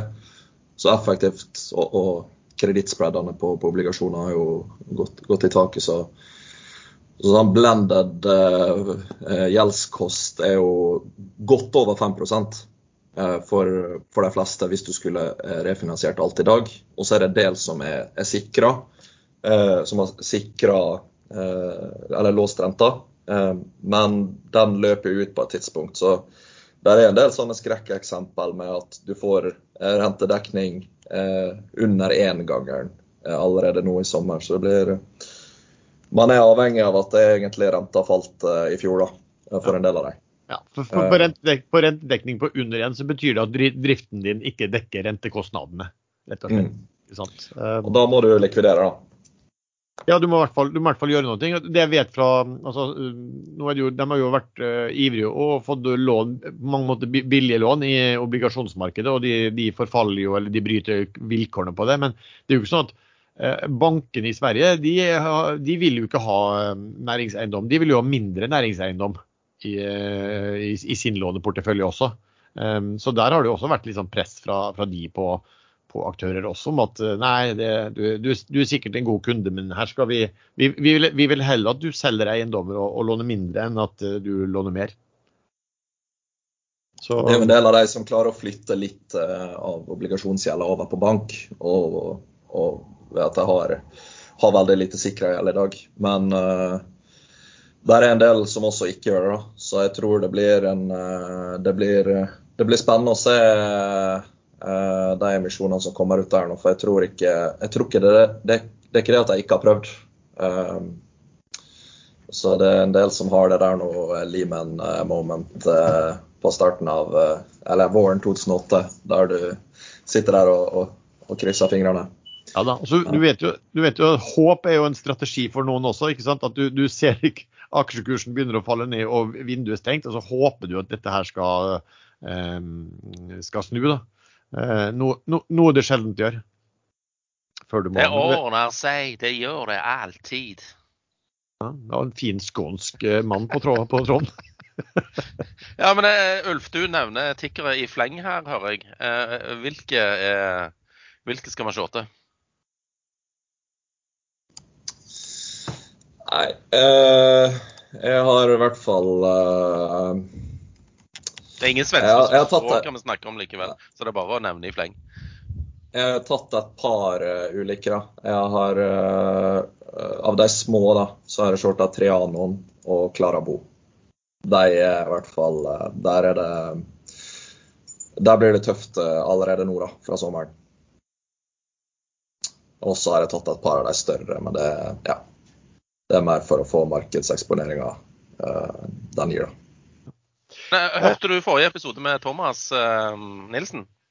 Nei, jeg rakk ikke å høre den. Nei, den. men han, han, likte Hva var det han likte? Han likte ball, Var det Balder han likte, eh, Lars? Jeg tror det var Balder og noe som heter Sag... Sagax. Saga X. Sagax. Eller noe. Ja. Jeg har Balderen eh, De gjorde jo en, en, emisjon nå for ikke så lenge siden, men det, det kommer inn litt comments på at man kanskje skal gjøre en, en litt større uh, greie, virker det som, da, uh, igjen. For de har jo veldig høy uh, giring. Det har vel 17-18 ganger EBT. EBT ja. OK. nytt tema. det snakkes mye om altså, Taiwan. Taiwan er jo skuddet, og halvledere er jo, er jo blitt litt sånn, hva skal vi si, livsblodet til, til mye av næringene i, i verden. og snak, da har man kommet opp, altså Det er en bok basert på det som kalles Chip War.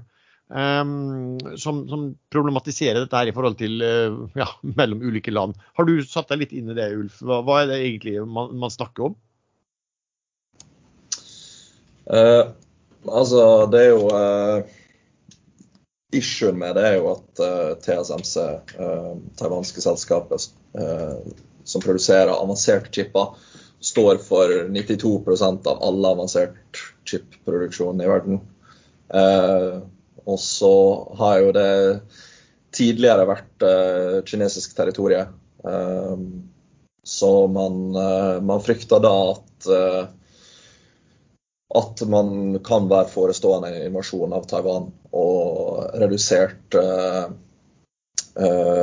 tilgang på, på chipper derfra. I tillegg til at USA har vært veldig vocal på at de eh, backer Taiwan. Så sånn, for min del så, så, er ikke det noe som påvirker investering i dag fra dag, dag til dag. Det er en tail risk. Men det som kan endre det, hvis eh, Jeg hørte en podkast der eh, Ron F., presidentkandidat Ron F. Kennedy jr. var veldig tydelig på at USA skal ikke kjempe flere kriger utenfor landegrensene sine. Og hvis en, klart hvis en sånn type person kommer til makta, så, så må, må, jeg, kanskje endre det. da. Men, men, det er ikke noe jeg bruker veldig masse tid på, på dag til dag. da.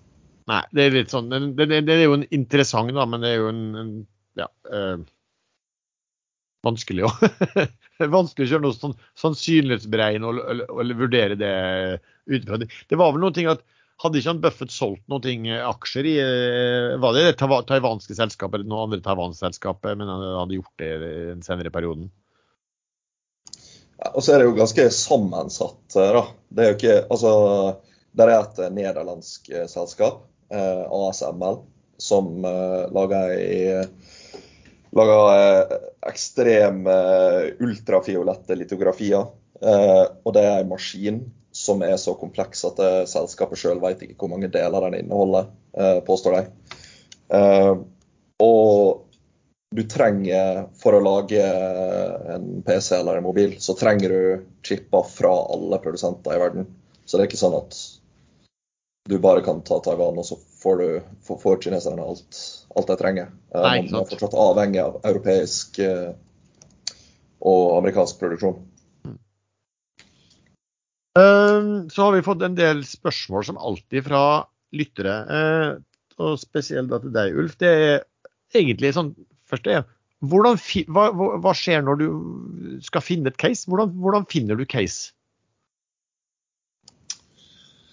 Nei, sånn, Varmepumpene var jo et eksempel ved at jeg bare plukka opp eh, eh, ja, Kalle makroendring, da.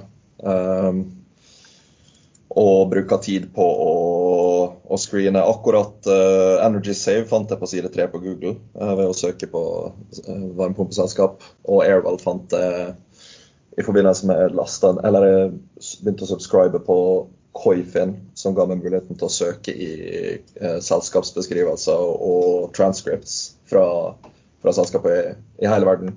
Og da dukka Airwell opp. Så ja, det er jo en prosess som jeg brukte, vel, brukte ganske lang tid på å, å gå gjennom alt. For det dukka opp ganske masse eiendomsselskap som skulle installere varmepumpe. Men eh, ja, det kan være én type. Og, så har, har, jeg jo eh, masse flinke folk uh, rundt meg, både ekstremvester og venner og, og, og partnere som jeg, som jeg, samarbeider med og deler case med. Og så får jeg veldig masse bra tilbake. Det er et veldig bra miljø i Eh, rundt meg. Så uh, ja, det varierer veldig. Men, du, men, du, må, men du, du, leser ganske mye når du leser sånne altså EU-rapporter og alt der. Du tyder jo på at du leser ganske mye. Jeg, jo, jeg driver jo med dette her fulltid, så jeg bruker jo, også er jo veldig interessert. Så jeg bruker jo veldig masse tid på å følge med på, på det, prøve å følge med på det meste som skjer. da. Og så er det jo ting man må utelukke. Men uh, jeg, jeg, følger med på, prøver å følge med på alle selskap, eller ha et, i hvert fall et lite øye med, med stort sett alle selskap i Norge. Og så litt small cap i Sverige og begynne å bli litt Finland osv. Så, videre. så jeg går jo gjennom eh, liste for liste, da. Men Er det noen spesielle sektorer som du er eh, ser mer på enn andre, eh, og, eller som du holder deg unna? Jeg bruker ikke noe tid på energi. Uh, oljeselskap og rigg. Det har jeg ikke brukt noe tid på på to år. Jeg er sikkert den som har brukt minst tid på det i Norge uh, siste tida. Uh, det er rett og slett fordi at det er for vanskelig for meg nå. Og så har jeg syns jeg syns det er enklere å, å, se på den type selskap når oljeprisen er under marginalkostnad. Så det er bare sånn så enkelt som det. da. Jeg prøver å holde det på den fronten. Og så liker jeg jo selskapet jeg klarer å forstå. da som jeg klarer å bygge conviction på og eie. Og, og også forstå hva det er verdt. fordi da, hvis du får en event sånn som iTech nå, så har jeg, har jeg en formening om hva det er verdt, og, og kan agere eh, det jeg tror er, på, den, på, en måte som jeg tror er rasjonell. da. Ja, det, men det er vel også litt meningen at når du er såpass pålest, så er du også pålest på mange selskap jeg tro, da, som, altså som du ikke eier aksjer i. sånn at hvis det skjer noe i det selskapet, så, så, er du på en måte godt posisjonert for å forstå hva det her eh, innebærer på godt og vondt. Mm. Og så må man jo alltid refreshe litt og ta en ny look, men det er jo en stor fordel av å ha en eh, liten backlog med, med selskap uh, som man følger, da. For det skjer jo alltid ting. Verden, verden endrer seg hver dag, så og, men, jeg, men, jeg, men jeg, jeg, er enig med, deg med, med, det med refresh, for det har, det har, man jo sett en del ganger og, og gjort selv også. Du sitter med en slags sånn her, litt foreldet oppfatning som du hadde for en mm. god tid siden, og så har du ikke fått med at ting har skjedd, har, har, har blitt veldig annerledes, da. Nei, det er jo, det er jo eh, den begrensninga man har. Og så er det jo det Man må jo ha mulighet til å endre mening begge veier. Um, og det er vel kanskje litt av det jeg har eh, prøvd å fokusere en del på. da, At jeg, jeg, jeg er ikke låst til et selskap. At jeg klarer å eh, endre mening hvis jeg må det. Men eh, har du noe sånn teknikk for det? Altså det, det for vi snakker jo mye om sånn confirmation bias. At du, når du har tatt en posisjon, så tenderer jo den menneskelige hjerne øh, som søker etter belønning, tenderer jo til å ville vektlegge det som støtter ditt uh, syn, uh, det synet du har fra før. Du, du, vektlegger det mer enn det som strider imot. Har du noen sånn teknikk for å ja, kjempe imot eh, og sørge for å komme deg ut hvis det, hvis det, hvis det trengs? Ja, altså Ofte kan det være til hjelp å, å diskutere case med andre. Da. Og finne en som har motsatt syn av det sjøl. Eh, så det er jo en, et, eh, en skill man kan bruke. da, eh, Å finne en djevel som gir deg pushback, som du, som du da sjøl mener er flink. Den personen.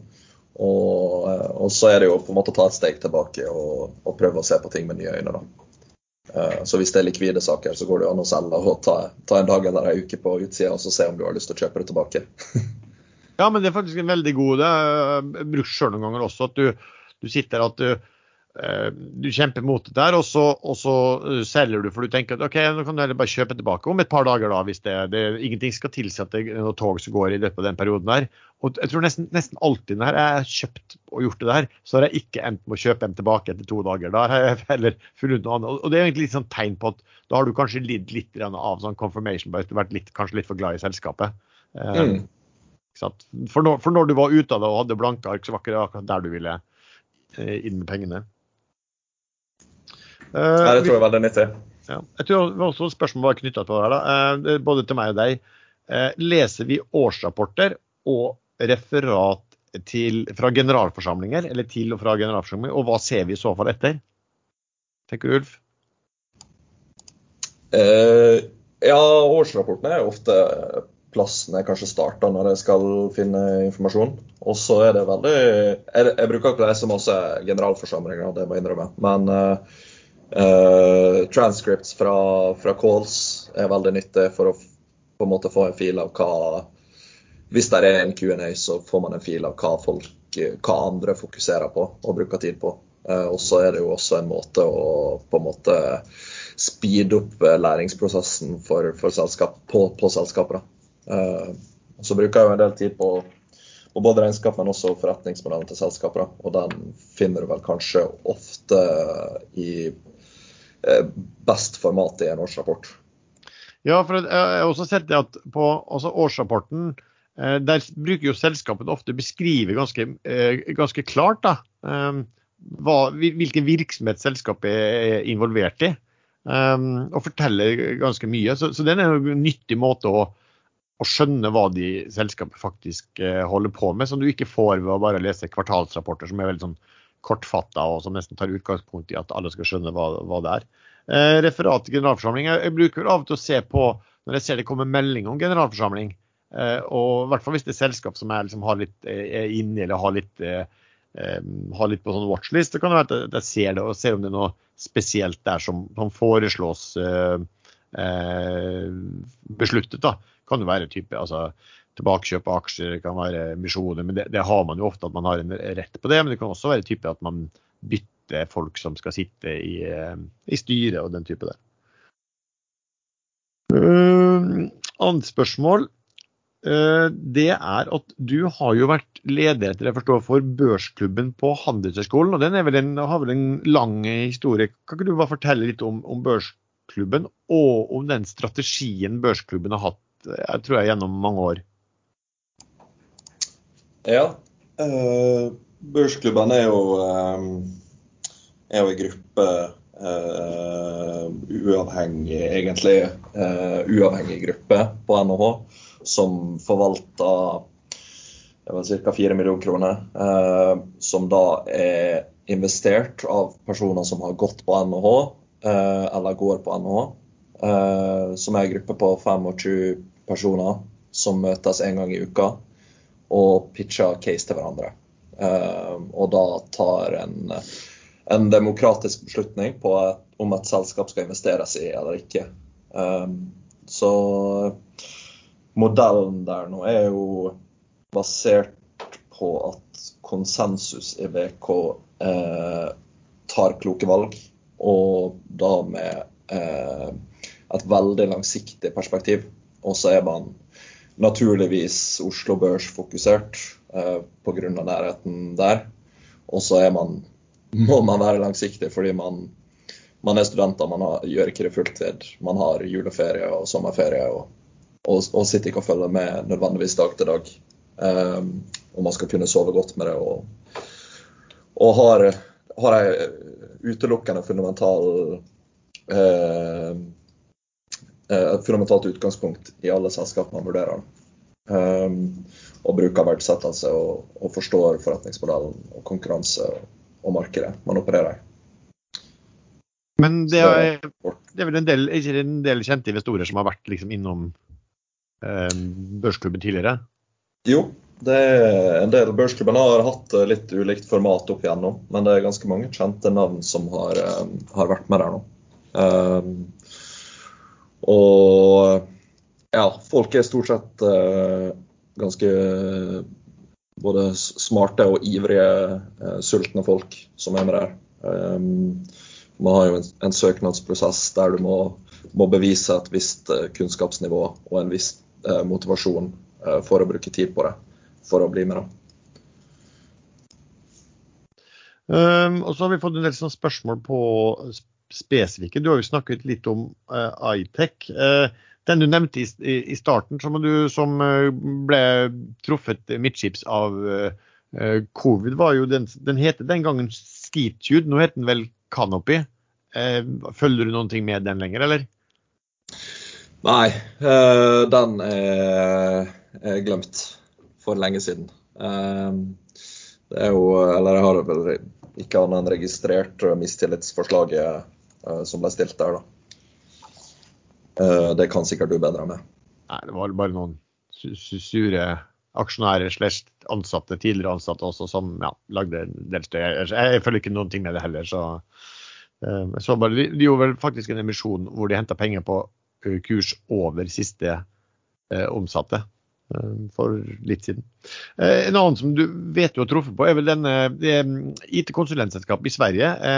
det heter vel B3? Heter det? Jo, stemmer.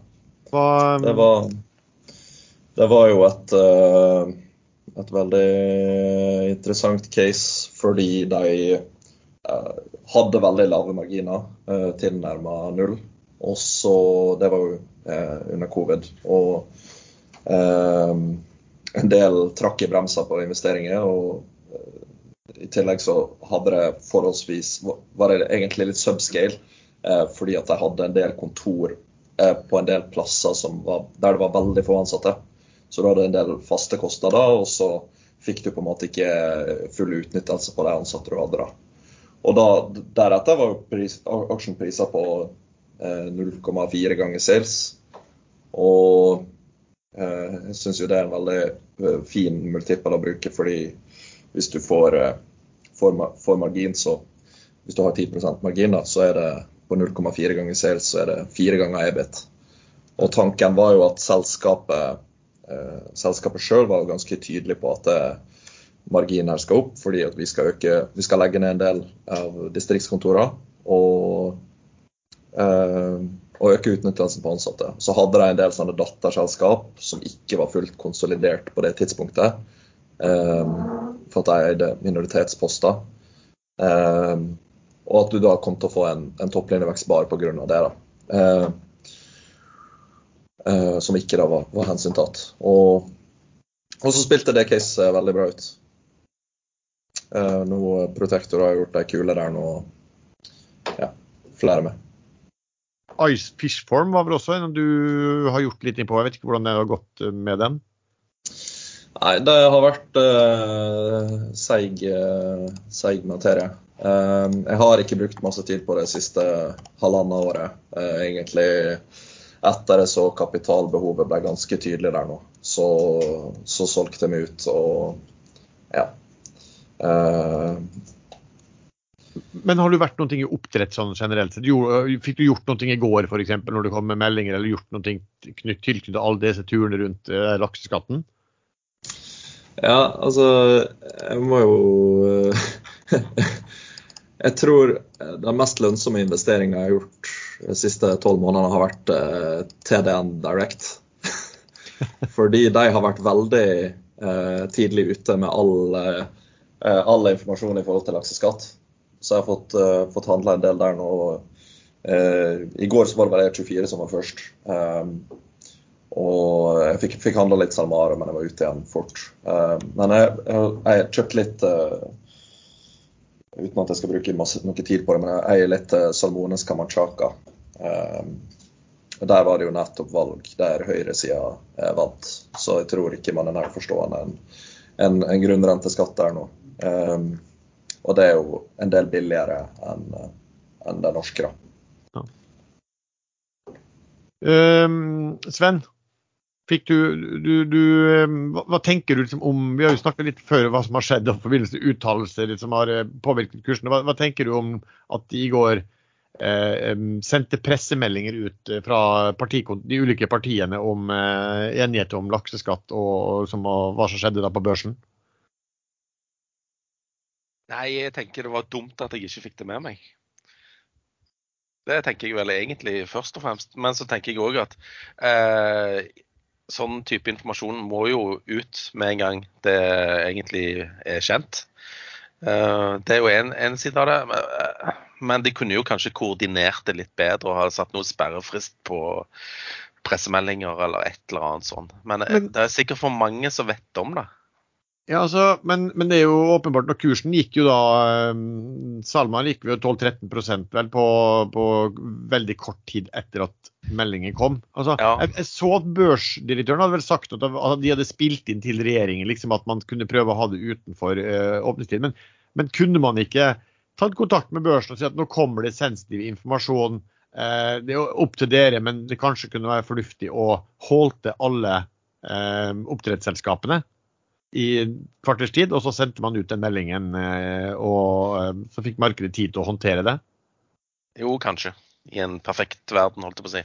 Men, men, eh, men jeg tenkte litt på denne lakseskatten og det greiene, og irriterer meg over at jeg ikke egentlig hadde kjøpt laks i forkant. fordi hva kunne skjedd?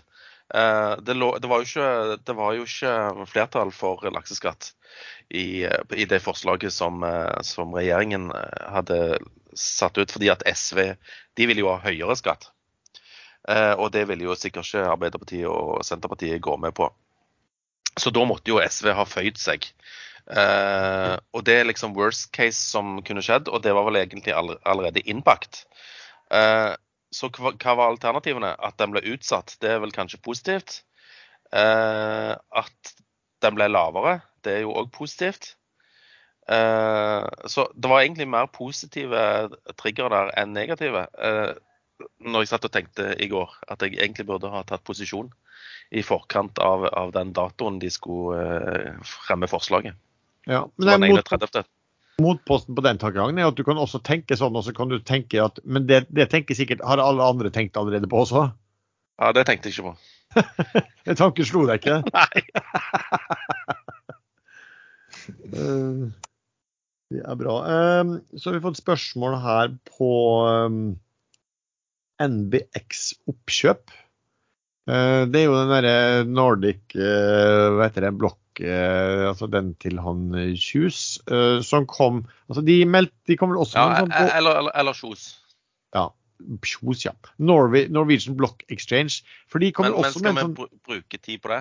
Nei, vi kan bare nevne det. At de, de, de kom jo med en De skulle lansere noe sånn Visa credit card og kom med melding om at det var delayed. Og så over da helgen fikk de et sånt ja, non-binding indicative offer fra et, sånt, et dansk selskap. Eh, Men det som var interessant, var jo at i første omgang så spilte man jo inn hvor, hvor høyt det offeret var. Men det var jo basert på en aksjekurs eh, hos eh, eh, hos de, de som eventuelt skulle kjøpe dem, som var, my, som var mye høyere enn hva den reelle aksjekursen faktisk var. da. Så, eh, så liksom, eh, om det blir noe der, eller hva i all verden de, det de skal få betalt for aksjene, hva de virkelig er, det er ikke godt å si. Men eh, Det var en sånn highflyer på danskebørsen, denne Spen Technology. Eh, De skulle jo bli eh, Afrikas svar på Vips. ja, og var vel på- Jeg vet ikke om likviditeten var sikkert dårlig, da, men det var jo priset til noe helt enorme beløp også. Eh, over 10, 10 milliarder eller noe sånt, eller? Altså, nå er det vel ikke priset til stort, eh, stort lenger. Men det er vel eh, sikk, åpenbart det her. Jeg tror han eh, Kjos har han solgt sine aksjer vel allerede til disse eh, danskene. Så det er vel, det er vel en nødbrems da som trekkes i rundt dette her eh, MBX, sånn som jeg vil tolke det hele. Um, Hva som skjer i denne iTech-en din nå, Ulf? Den bare spratt opp fem kroner. Si det. Er det holdt? Eh, Det har ikke kommet noen Jeg ser nyhet. ikke noe Nei, jeg tror ikke det. Det er bare tull og tøys. Ja.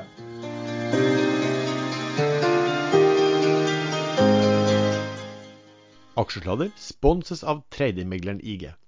På IG sin smidige tradingplattform så kan du altså handle på tusenvis av markeder med deres giringprodukter, som gir deg både forstørrede gevinster og tap. Utforsk deres tilbud av warranter, bull og bear-sertifikat, barriers og vaniljeopsjoner, turbowarranter og CFD-er.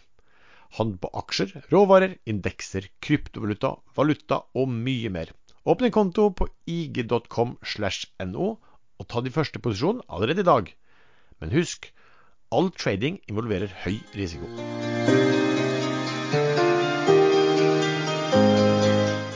Skal vi komme oss over på ukens favoritter, eller noe annet dere har lyst til å, å snakke om før vi gjør det?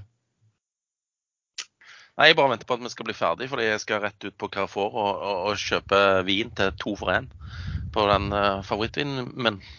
Du, du stikker på Carrefour, altså du har tjent graps på, på eh, danske røde pølser i løpet av uken, og så skal du på Carrefour? Ja, jeg må stokke opp litt. For jeg tenkte å reise hjem i morgen, og så fikk jeg mail på at det var to for én på vin. Så da, da må jeg slå til på det. Uk, ukas, ukas tips. Fa- Ukens favoritt, ja. Ja. OK, Ulf, Driver med sånn ukas ukes handling, altså. Nei, det er litt sånn Det er veldig lite planlagt. Få høre, Ulf, har du noe ukens favoritt, eller, eller favoritter generelt sett for din del? Kom. Nei, jeg har vel, eh, jeg har vel sagt uh, hva jeg eier. Jeg har e- egentlig ikke noe sånn kortsiktig case eh, for øyeblikket. Um, Sven, hva har du noen ting? Nei, jeg har ikke noen sånn spesielle greier, egentlig. Eh, Acetec-greiene har spilt seg ut, og arbitrasjen er borte. jeg sitter og følger med på denne Horisont Energi om Spetalen endelig bare skal selge alle, eller resten av aksjene sine. For da, da får jo den seg en, en, rekyl, tror jeg. Men nå begynner det å bli en del andre som òg har solgt, så jeg, ja. Men jeg tror jeg kommer til å ta den for en, for en trade. Jeg uh, har tatt litt Moba, altså Morrow Bank, for en rekyl. Jeg yeah. Kort uke. Det er jo pinse nå til, til helgen, så da er det plutselig mandag på tirsdag igjen. Så det blir, mye tull, og USA er stengt på mandag pga. Memorial Day. Så, ja. Og så har vi dette gjeldstaket som da skal tettes før 1.6. Så det, det, kan bli litt volatilt de nærmeste tradingdagene. Ja, jeg kan nevne Når du snakker om Horizon, så uh, viser det at Saga solgte jo en del aksjer da på Jeg så de solgte 250 000 aksjer. Ja, etter en lang pause. Og, da, og, dagen etterpå var jo da det kom en virkelig dumt på godt over en million aksjer. Og det, de har ikke så mye mer enn en, en, million aksjer også, så det blir jo interessant å se. og Det vil vi se da på eh, mandag, eller på, på tirsdag morgen vil vi se da, om, om, hvor mye de eh, eventuelt har igjen. Det jeg merket meg, det var jo generalforsamling der i, eh, i går. Og da stemte ikke Saga for, for aksjer i det hele tatt. Så, så de, de, har holdt på i lang, lang tid og solgt, og er på vei ut da også. Jeg hadde forresten litt kontakt med eh, selskapet i dag. Spurte litt om de her veldig høye kostnadene for Q1. Snakker du med Bjørgulf? Eh, hadde en kontakt med Bjørgulf, ja. Eh, det en dame eller mannestemme? Eh, han hadde e-mailstemme. Oh. Eh, men eh, det, det, det, han fortalte, var vel at de høye kostnadene i Q1 var fordi at de har utvikla et eh, prosjekt for karbonlagring. Så vi kunne ikke sett på konsulentkostnader som per se, men tekniske studier da, med EPC-kontraktører sånn sett.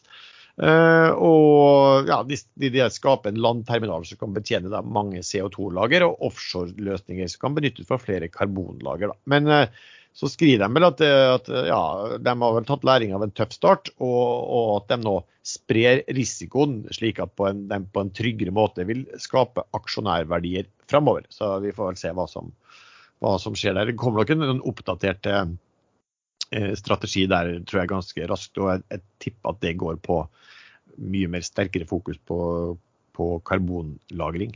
Eh, ellers kan jeg nevne jeg så på um, et selskap eh, Begynte å kjøpe litt, vet men, men, jeg så på du, du, du, vet du bare tok over hele dritten her nå. Du spurte ja, ikke om jeg var ferdig. Uh, jeg, jeg satt jo og snakket om, om, om uh, Horisont Energi, og så bare du, tar du hijacker resten av storyen og buller som faen. Oh, ja. og så skulle jeg nevne Biofish Holding på slutten der, for de hadde en presentasjon hos Fearnley i uken. Og der var det en som var og kikka på den. Og han mente at han, eh, sjefen da, sa at hvor mye de hadde i omsetning i Q1. Og det er litt merkelig, siden regnskapsrapporten ikke kommer før langt ut i juni. Så hmm, kanskje noen har uh, eh, snakka litt vel mye om ting de ikke skulle snakke om. Men, hva, men, men du er jo Bifish eh, Biofish. Jeg trodde du skulle uh, si noe annet. Ja, ja Bifi. Ja. Ja, vi, trenger, ikke å oute det nå, uh, men at du, at du har biofish-tendenser, eh, ja. det er jo klart. men, uh, jeg, jeg, liker fisk, for å si det sånn. Ja. men hvordan var det i forhold til hva, hva du ville tenkt de, de tallene? Ifølge vedkommende så, så hinta han om en omsetning på over 20 mill. i Q1, og det er liksom eh, compared to 22 eh, mill. for hele 2022. Så det, det, virker som de har solgt en del, for å si det sånn. Ja. Du, det, det, jeg skulle nevne da, da Var du ferdig da, Sven? Takk for at du spør. Ja, det var jeg. Hyggelig. Um, jeg så det kom tall fra et selskap som har sklidd litt i en periode nå, som heter Nekkar. Uh, og de var egentlig, syns jeg, veldig bra. Det er alltid farlig å regne om et kvartal på fire og, og ganger det med fire, men det var jo sånn at første kvartal i fjor var også det dårligste.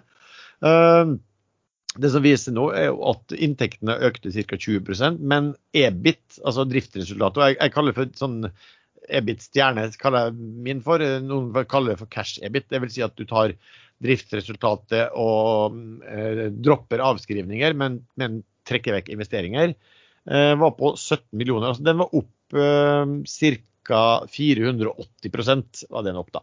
Um, så det begynner å se ganske, ganske bra ut der. Jeg tror jeg regna på De har jo 180 millioner i cash. Så de prises da på en EV-EBIT eh, basert på kun altså første kvartal eh, omregnet på årsbasis, men da er de priset på en EV-EBIT på 6,4. Og med de, eh, de formidable lønnsomhetsforbedringene lønnsomhetsforbedringer da, i, eh, i Q1, så ser det det bra. Men, men, kvartal kan svinge. Her bør man gjerne kanskje se litt mer eller snakke litt mer med selskapet for å få en, en, en god trend på det. De har jo en sånn veldig lønnsom shipyard solutions med sånne eh, noen sånne heisekraner og alt. Jeg vet ikke så godt hva det er. Men, eh, og, og den tjener jo veldig bra isolert, den divisjonen der. Um, faktisk jeg hadde tjent 62 millioner kroner etter skatt i 2022, bare den ene divisjonen. Så, for de har jo, det er jo liksom cash cow, og så har de andre som er litt under utvikling.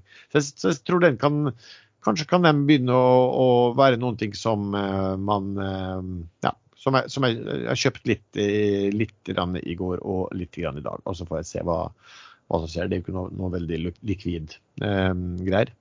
Ellers så nevnte jeg vel de som jeg hadde gjort noe med. Uh, Hafnia og eh, Frontline. Frontline går akkurat nå veldig bra på, uh, på børsen. Så vel da, kommer vel de da med tall til uken, og så får vi se. Og som sagt, disse Spetalen discount, som du kaller dem, Sven, de, de er jo egentlig ligger jo stille. Folk er jo litt irritert kanskje i Saga hvis det viser nå at de begynner å dumpe ut eh, Horizont-aksjer på rundt 6 kroner. For der har det jo vært et flertall forsøk på å kjøpe de, eh, de aksjene fra de i en, eh, i en, bolk. Og der det har vært betalt, eller tilbudt dem, sånn som jeg forstår det, godt mer penger enn eh, hva de nå selger på børs. Så det framstår jo i så fall som en veldig merkelig form for å drive, drive forretningsvirksomhet. En annen ting jeg glemte å ta med. men Det går rykter om at Doff nedsalget eh, skal skje kanskje allerede så tidlig som neste uke. Så den er verdt å følge med på hva kursen blir i det nedsalget. Eller spredningssalget, er vel mer riktig å si. Men kommer den, da, kommer den da direkte Har de søkt allerede om eh, ny eh, børsnotering for den, og alt er klart her, eller? Eh, nei, men jeg tipper spredningssalget kommer før børsnotering. De må jo ha aksjer og trade på børsen. Ja, det er klart. Det blir jo en veldig eller, eller så blir det sånn dansk opplegg der det ikke er aksjer å få tak i. Kanskje de, de, de, hører på, de hører på podkasten, og så får du melding på tirsdag om at de skal søke om notering i Danmark. Ja. sånn er det. Uh, Ulf, veldig hyggelig at, uh, at, du kunne stille opp. Håper det gjør mersmak, og at vi kan komme tilbake til deg en annen gang. Ja, takk for invitasjonen. Det var hyggelig å prate med dere. Og så takker vi så mye til deg som har lyttet på denne episoden. Du treffer eh, meg og Sven, og av og til Ulf også, i chattene inne på um, Ekstrainvestor. Eh, vi har en gruppe på Facebook som heter podkasten Akersladder. Musikken er som vanlig laget av sjazz.com, og vi høres. Ulf virker mye voksnere denne gangen enn sist gang. Hvor gammel har du blitt? Ikke hausete. Hvor gammel, nei, nei. Hvor gammel har du blitt? Nei, Du var litt mørkere i stemmen òg, følte jeg. Ja, det ble litt mange øl i går. du, Ulf, du ser at det, det, står ikke noe om innspillingen har ikke blitt stoppa ennå. du, hva, hva, hvor gammel er du blitt, Ulf? Forresten, jeg glemte å spørre. Eh, 26. Det er bra vi får litt eh, yngre og lovende inni her. Eh, senka snittalderen ganske brutalt.